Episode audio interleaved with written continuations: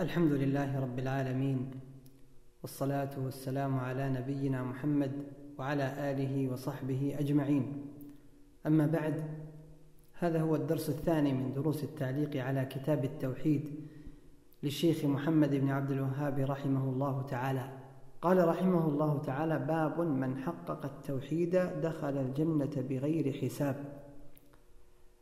لما تكلم المؤلف رحمه الله تعالى عن التوحيد وبين معناه وذكر فضائل العمل به.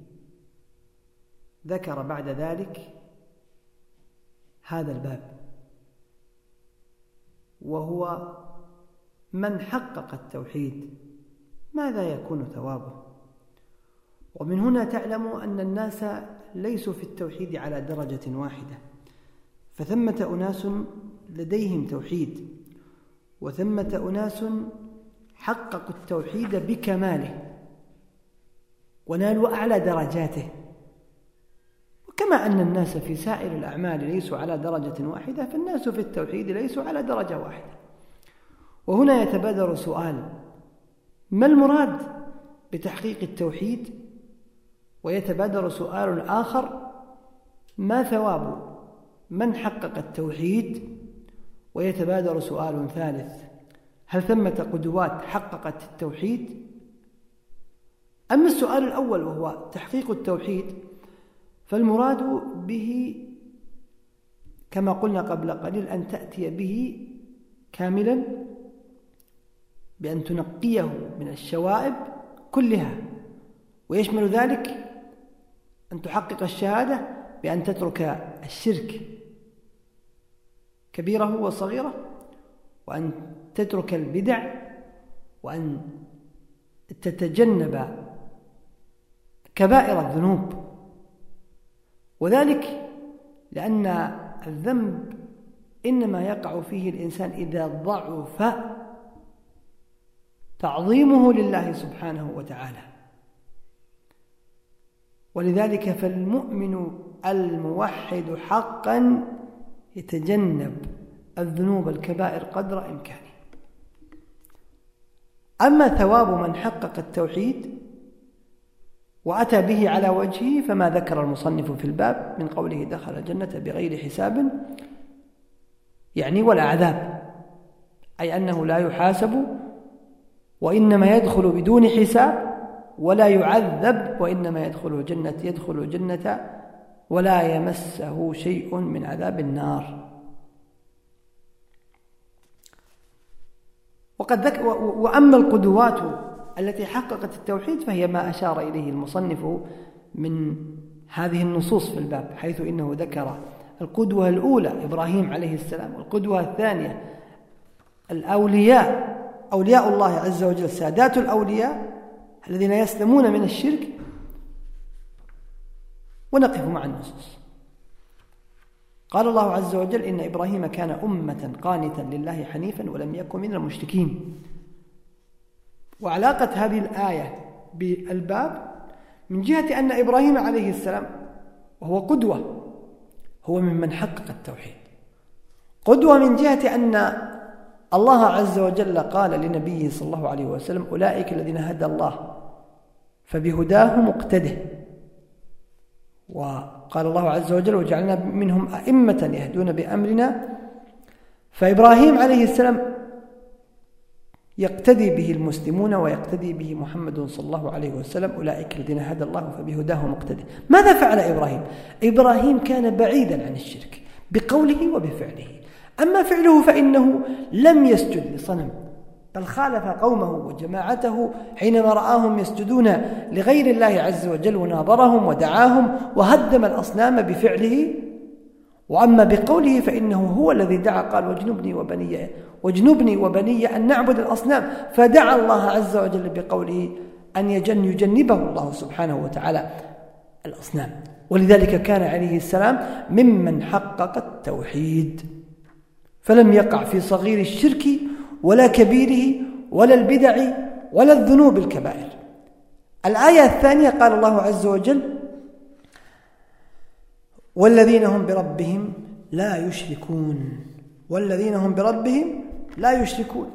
هذه الآية هي في معرض آيات ذكرها الله سبحانه وتعالى عن الأولياء الذين ذكر الله لهم أنهم يسارعون في الخيرات وهم لها سابقون. ذكر قبلها آيات قال إن الذين هم من خشية ربهم مشفقون. والذين هم بآيات ربهم يؤمنون. والذين هم بربهم لا يشركون. والذين هم بربهم لا يشركون. هؤلاء الذين يسارعون في الخيرات ينبغي أن يقتدي بهم الإنسان.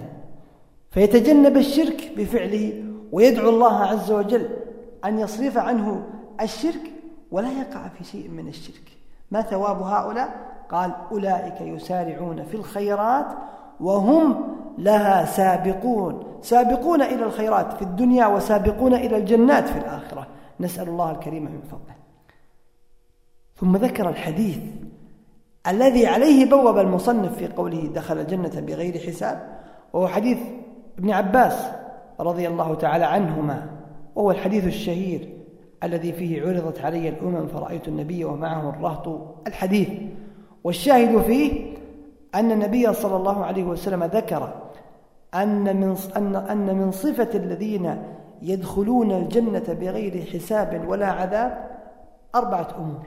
أولا أنهم لا, يكت... لا, يسترقون لا, لا يسترقون يعني أنهم لا يطلبون من أحد أن يرقيهم. قد يقول قائل هل الرقية محرمة؟ الرقية ليست محرمة. لكن هؤلاء يتركون الرقية وإن كانوا يحتاجون إليها لأجل داء أصابهم فاحتاجوا معه إلى التداوي. وذلك لأن الرقية سبب خفي. فالمريض قد يتعلق بهذا السبب الخفي ولربما وقع في قلبه أن هذا الراقي هو سبب للشفاء.